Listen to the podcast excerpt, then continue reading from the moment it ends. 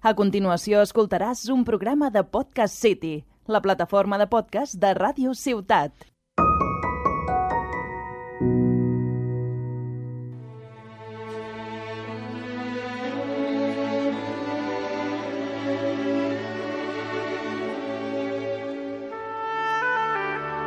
Plenitud a la vida quotidiana, un programa d'espiritualitat pràctica presentat per Jaume Arassa.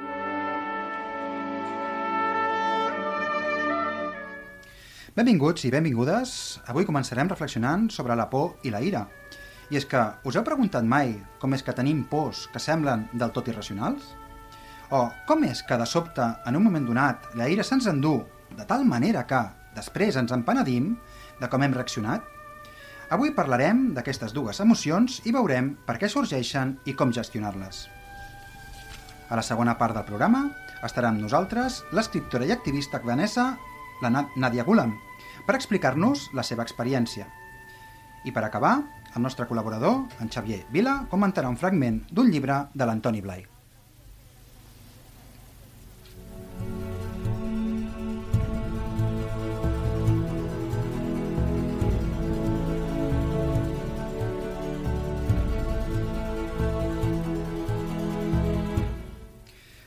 La por i la ràbia són emocions desagradables que des de ben petits tots hem patit davant situacions en les quals ens hem percebut amenaçats, així com en d'altres que s'han vist frustrades els nostres desitjos i il·lusions. Això ho podem veure, per exemple, en els infants, quan irromp un soroll molt fort i aleshores corren a recollir-se entre les cames dels seus pares. O quan sorgeix la ràbia i fan rebequeries perquè tenen son, gana o se'ls hi cau el xumet. Així doncs, a partir d'un fet que pot ser real o imaginari, sorgeix una sensació biològica d'inseguretat, davant la qual el nen o la nena s'aparta amb por o s'irrita per tal d'aconseguir allò que vol. I és que en certa etapa de la vida, sentir por i enfadar-se és totalment natural i necessari.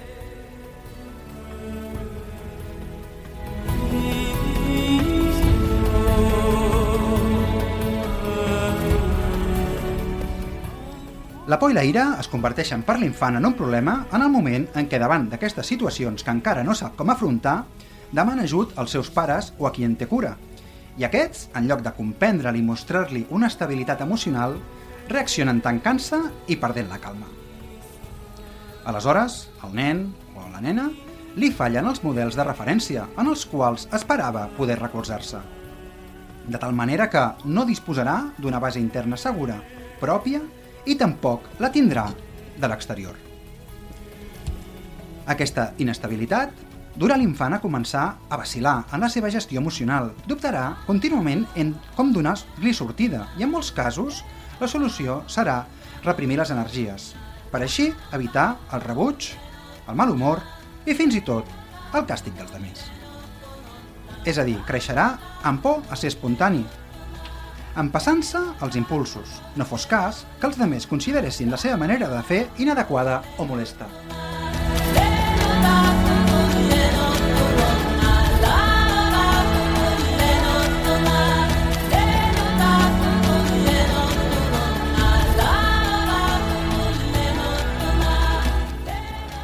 A força de reprimir els impulsos interns, ocasionem que, dins nostre, hi hagi un cúmul d'energies, emocions, records i raons que a la llarga comportaran que visquem amb una intranquil·litat crònica. Les conseqüències físiques ens afectaran a la respiració, que passarà a ser més ràpida i superficial, així com també els músculs, que estaran permanentment en tensió, especialment els de la zona del ventre i del pit. Aquesta tensió interna també afecta l'aspecte afectiu i mental, ja que propicia un sentiment profund d'amargor, un cert desequilibri emocional i la impressió de tenir el cap com ennuvolat. De cara a l'evolució espiritual, aquest cúmul de repressions són també molt negatives, ja que obstaculitzen la connexió amb l'aspecte transcendent i, per tant, interfereixen en el nostre desenvolupament.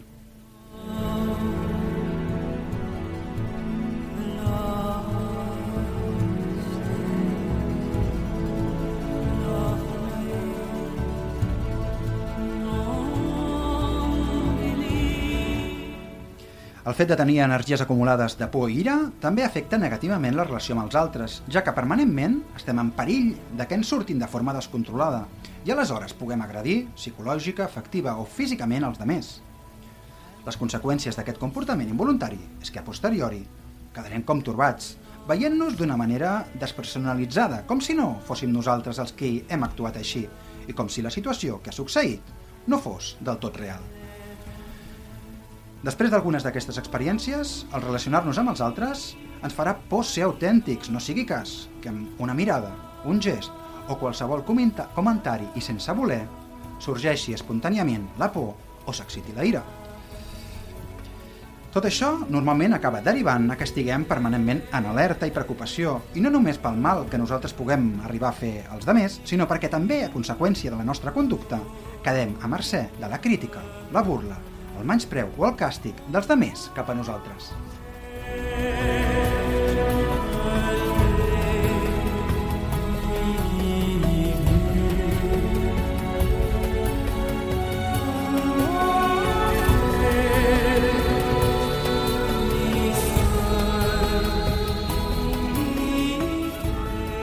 Tornar a normalitzar la vida una vegada portem anys funcionant des de la repressió i l'erupció de la por i la ira requereix d'esforç i paciència.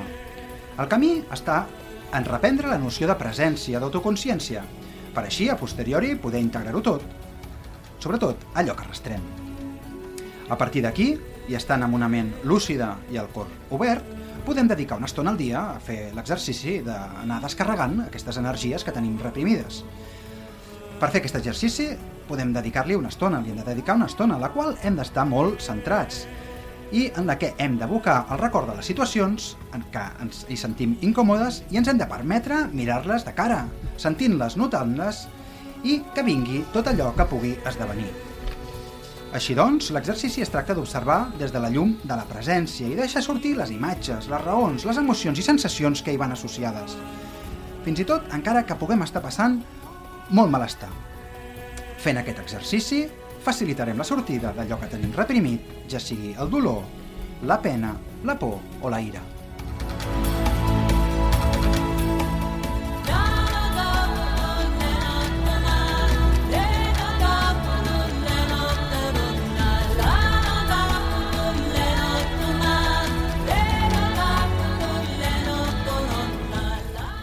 En relació amb els altres, l'estabilitat i resposta que donem ens ha de servir d'indicador per veure el que realment tenim assolit i el que encara ens queda per comprendre. La prova de que tenim una situació assolida és que davant un conflicte podem decidir si volem actuar confrontant-lo des de l'amor i la lucidesa o en canvi ens en volem apartar.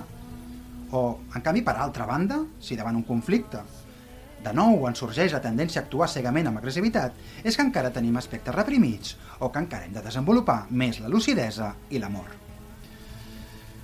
En tot cas, no ens hem de desanimar. Recordem que no hem de lluitar en contra d'aquestes emocions, sinó que hem d'estar presents davant d'elles, no reaccionar violentament, pair molt conscientment allò que sorgeix i fer créixer la capacitat d'estimar i comprendre.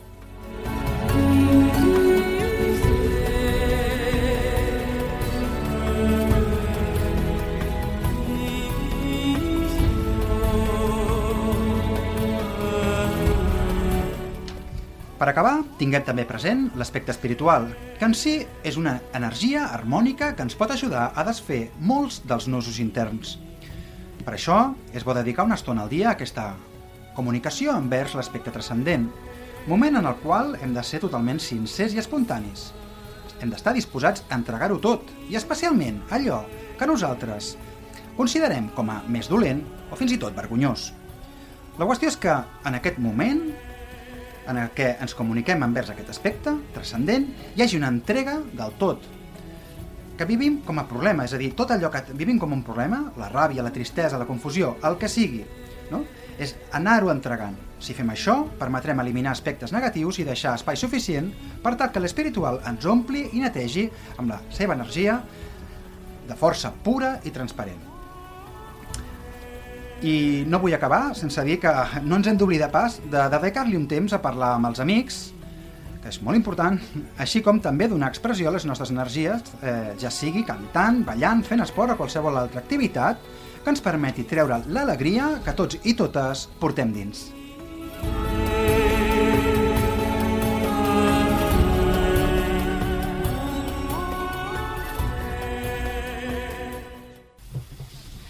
Doncs per aprofundir encara més en el tema de la por i la ira, tenim amb nosaltres l'escriptora i activista afganesa Nadia Gulam, que ha viscut de ben a prop la guerra i les seves nefastes conseqüències.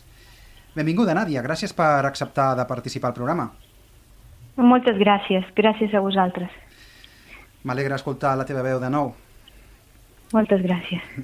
Molt bé, doncs avui parlem sobre un tema que moltes vegades eh, ocultem, no? Ens fa, en certa manera, no? Ens, eh, ens són un, aspecte tabú, no? La por i la ira, no? Eh, creus que és així? Eh, depèn de cada persona i la seva situació. En el meu cas, eh, jo, por eh, ha sigut per a mi una de les emocions més transformadores, perquè gràcies de por jo sóc una persona molt desperta. Deu anys he viscut amb por i aquest por ha fet que jo sigui molt desperta davant de qualsevol situació perquè no descobreixin el meu secret. Llavors, en el cas d'Afganistan, la situació era molt extrem per una dona i jo era conscient, ben conscient de, la, de les coses que estava passant allà i llavors a por m'ha fet que pugui superar de tots aquells obstacles. Sí, perquè eh, n'has tingut molts d'obstacles, no? Eh, llegint el teu llibre eh, podem fer un repàs i és quasi continu, no? O sigui, des de la bomba que va caure a casa teva, el temps que vas passar a l'hospital, la mort del teu germà, la malaltia del teu pare, el fet d'ocultar la teva identitat, els treballs precaris no? i perillosos amb els que vas estar, el maltracte dels altres, no? les dificultats per poder estudiar, i, i me'n deixo més, segur, però, però és un no parar, no? Uh, sí, uh, tots tenim una vida, per uns li toca una vida una mica més o menys plena o fàcil, o a altres no, però en el meu cas les obstacles i les reptes han sigut part de la meva vida. Llavors, per poder viure en aquest vida, ha hagut d'acceptar-ho, que tots els dies i cada dia de, de la setmana em venen i jo haig de ser un atleta d'aquestes obstacles per saltar-lo. Sí, no? perquè interiorment tu eh, com, com ho has fet? O sigui, l'interessant eh, potser no, d'aquesta entrevista que podem parlar, potser en tens d'altres que, que, que es fixen en altres aspectes, no? però eh, avui crec que l'interessant és veure una mica eh, com has sigut un atleta i has anat saltant tots aquests obstacles, una mica internament, com, com, com fas o com has fet eh, per, per posicionar-te amb aquesta actitud no? tan, tan desperta o que t'ha convertit a ser una persona tan desperta per poder tirar endavant, no? perquè a vegades hi ha persones que o en certs moments, eh, qualsevol persona, depèn de la por que et vingui, no? et supera i, i, i en lloc de despertar-te no? et fa dormir encara més. Eh, sí, en el meu cas, jo mm, sempre dic que tinc tres pilars més potents de la meva vida. Uh -huh. Un és la fe, uh -huh. una és la educació, una és la meva mare afganesa.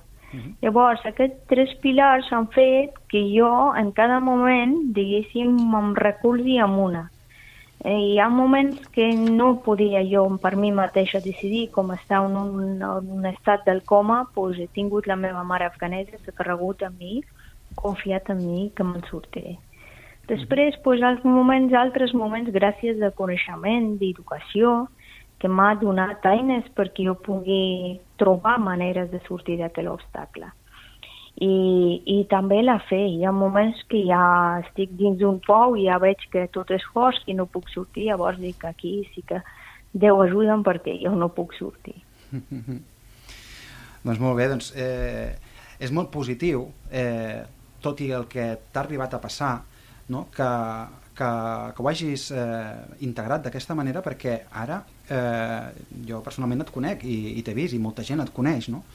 i transmets eh, molt d'amor no? tot i les vicissituds que, que has arribat a passar Clar, jo estava parlant de ira també, eh, estava parlant amb una periodista sobre la ira i jo, de, de veritat, la meva mare afgana, malgrat les dificultats que ha tingut a la seva vida, uh -huh. ha sigut una dona molt positiva. Llavors, eh, m'ha educat de forma que jo no tingui, diguéssim, rancònia cap als altres i això, quan no tens rancònia tens menys ira i llavors si la ira és una sensació normal que et pot aparèixer, però si no li guardes com una rancònia aquell moment, pot ser, és que és normal que ens enfadéssim, doncs enfadem, uh -huh. i després no la guardem com una cosa que ja ara puc seguir-ho, Llavors està, és supernatural i normal. En el meu cas jo tinc això.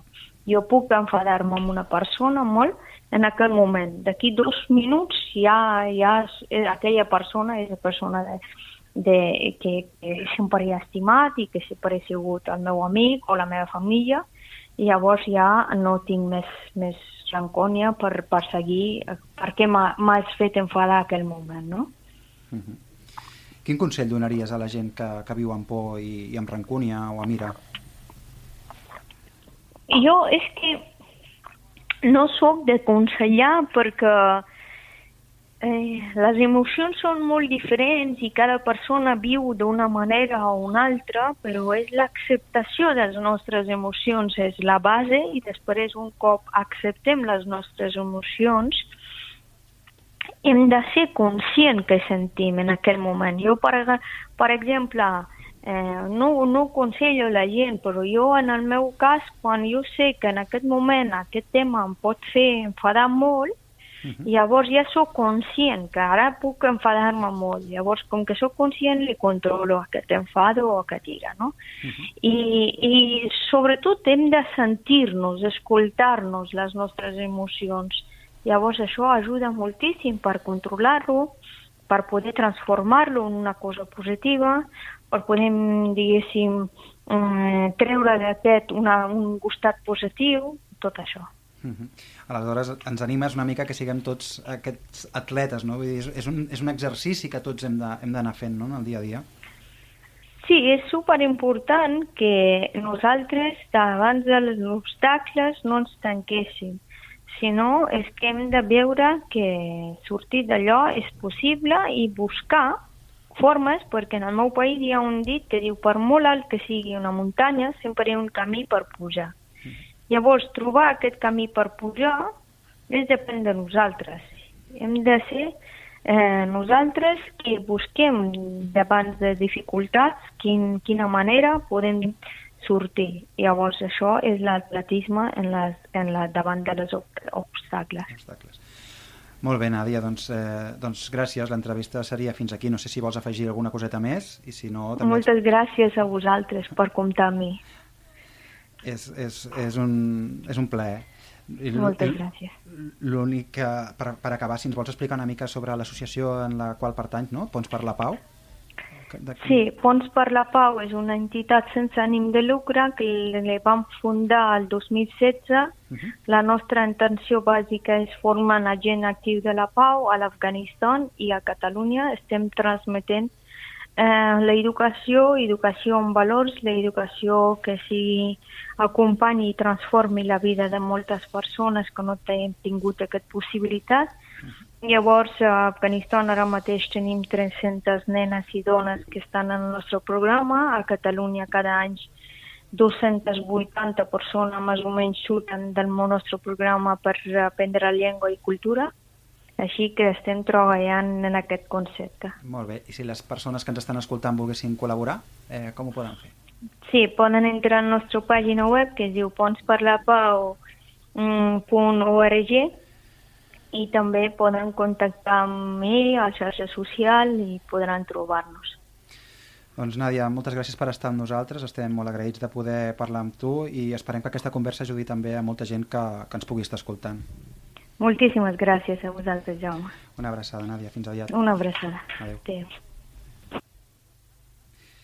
Bé, per pair una mica tot el que hem anat parlant, eh, ara amb la Nàdia, i descansem una miqueta. El que millor que podem fer és escoltar una cançó ben alegre. En aquest cas, una cançó d'Oques Grasses que es diu Elefants. que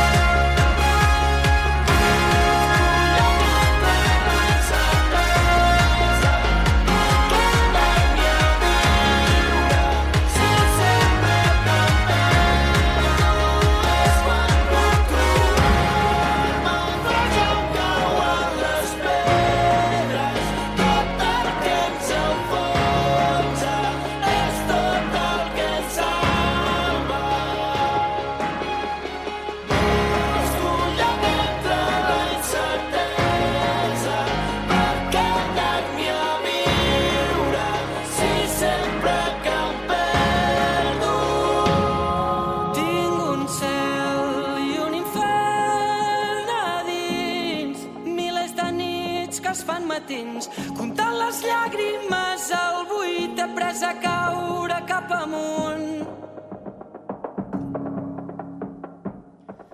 Molt bé, després d'escoltar aquesta cançó tan, tan xula i, i tan gloriosa, no? la música és, és el que té, no? ens, ens, ens entra dins i, i a vegades és el que hem de fer, no? permetre que ens entri, ballar i deixar també que surti el que tenim i, i que sigui el que, el que Déu vulgui.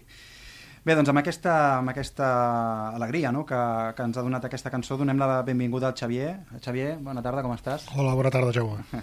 Molt bé, quin text ens has portat avui?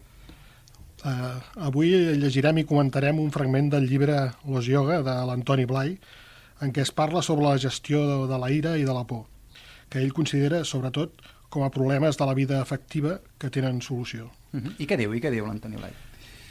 Diu, els problemes que planteja la vida afectiva són principalment la ira emmagatzemada al nostre interior i la por. La ira que dona entrada a l'odi i la por que indueix a la fugida. Uh -huh. De tot això ja n'hem anat parlant al llarg del programa, però com, com interpretem, doncs, a partir del que ens diu l'Antoni Blai, no? què, què hem de fer amb aquestes emocions desagradables? Cal evitar la reactivitat, que està vinculada a aquestes energies afectives i vitals reprimides, que generen por i insatisfacció. Eh, L'Antoni Blai diu que cal mantenir un estricte control de tot impuls violent i hostil, dirigit contra algú, encara que tinguem raó, perquè hi posem una cosa que no depèn de la situació, sinó que el com que arrosseguem de temps enrere. És aquesta repressió d'energies i emocions i acumulació d'impulsos que dèiem abans, la que fa que estiguem carregant en una situació actual els nostres problemes pendents del passat. Per tant, encara que la situació objectivament considerada sigui reprovable, perquè es tracti d'alguna cosa a la qual ens hem d'oposar, cal expressar-se, cal fer-ho d'una manera no reactiva. Eh, tots coneixem eh, exemples, o hem viscut exemples, en les relacions personals, o bé, per exemple, en el, en el futbol, quan veiem que es crida o que s'insulta als àrbitres. Bé, en aquestes situacions no hi ha eh, consciència, no? no hi ha una inconsciència integrada. Uh -huh. I això fa doncs, que no es pugui acabar de, de, de, de soltar tot allò que tenim, sinó és com, un, com una explosió momentània, no? però que eh, continua arrossegant eh, certs problemes que puguem anar tenint del, del nostre passat. No? Exacte. Uh -huh. L'Antoni Blai descriu que una sèrie de maneres de gestionar aquestes emocions, aquesta impulsivitat, la, la, la ira, la por, l'agressivitat reprimida a l'inconscient. Diu que cal expressar-se sobretot un cop passat el moment d'exaltació, eh, que és quan eh, després un s'ha asserenat i només aleshores cal parlar de l'assumpte en els termes que semblin més justos i objectius, censurant allò que està malament i admetent allò que estigui bé un bon treball espiritual requereix alhora d'un treball psicològic també. Cal que no hi hagi inestabilitat emocional. Per això cal actitud positiva i mobilitzar energies interiors expressant-les d'una forma adequada. Complementàriament, Antoni Blai descriu també una sèrie de tècniques per practicar aquesta descàrrega d'impulsos reprimits, per tal de gestionar aquestes emocions. Eh, són l'expressió, com deies abans, de mitjançant la música, fent esport, fent una oració profunda, eh, mitjançant la capacitat creadora, amb la capacitat d'entrega d'un mateix eh, al ser, a Déu, etc. En totes la clau, com dèiem, és la, la presència, que permet perdre la por, sent autèntics i vivint amb espontaneïtat, però sense reaccionar automàticament, i sí responent conscientment amb responsabilitat, estan presents, desperts i integrats en la situació de cada moment. Molt bé, i des d'aquí doncs, és decidir viure una mica, no? si volem viure la vida des de la por o, o, i la, o, o des de la confiança en la vida. No? Sí, exacte. Uh -huh. Doncs mira, referent a tot això eh, que hem parlat avui, l'altre dia estava veient amb el meu fill una pel·lícula de la saga d'aquesta de Star Wars que, que tinc ganes de veure i aprofito que el meu fill doncs, eh, té l'edat i, i hem començat. No? I en un moment donat el, el mestre Yoda diu unes paraules a qui ha de ser no? l'heroi de la saga, no? quan, quan encara és petit. No? El nen doncs, figura que, que, que, té, que té por i eh, el mestre Yoda diu unes paraules. Si, si, si, si et sembla, mira, ens acomiadem eh, amb aquestes paraules de, de saviesa del mestre Yoda. El miedo es el camino hacia el lado oscuro. El miedo lleva a la ira, la ira lleva al odio, el odio lleva al sufrimiento.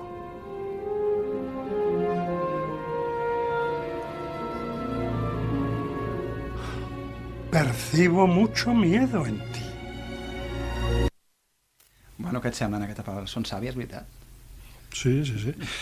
Eh, aclarim que, que la persona que reacciona a mira no ho fa per maldat, sinó com a resultat d'un condicionament que el fa reactiu, a causa, bàsicament, de, de la ignorància de la pròpia essència, per manca de vivència d'unitat amb, amb la vida, amb, amb el ser. La vivència d'u- d'unitat permet viure amb confiança i això permet transcendir la, la por. Doncs moltes gràcies, Xavier. Fins la propera. Gràcies a tu. Fins al proper programa. Doncs molt bé, gràcies a tots els que ens escolteu per seguir escoltant-nos. Recordar-vos que tenim una pàgina de Facebook que trobareu amb el nom de Plenitud a la vida quotidiana i on podeu deixar els suggeriments, aportacions i preguntes, així com compartir els programes que més us agradin amb els vostres amics i, i coneguts. Agrair també eh, el control tècnic, que avui ha estat l'Òscar i el Lluís. Moltes gràcies. I, I res, si ho desitgeu, ens retrobem en el proper programa. Fins aviat.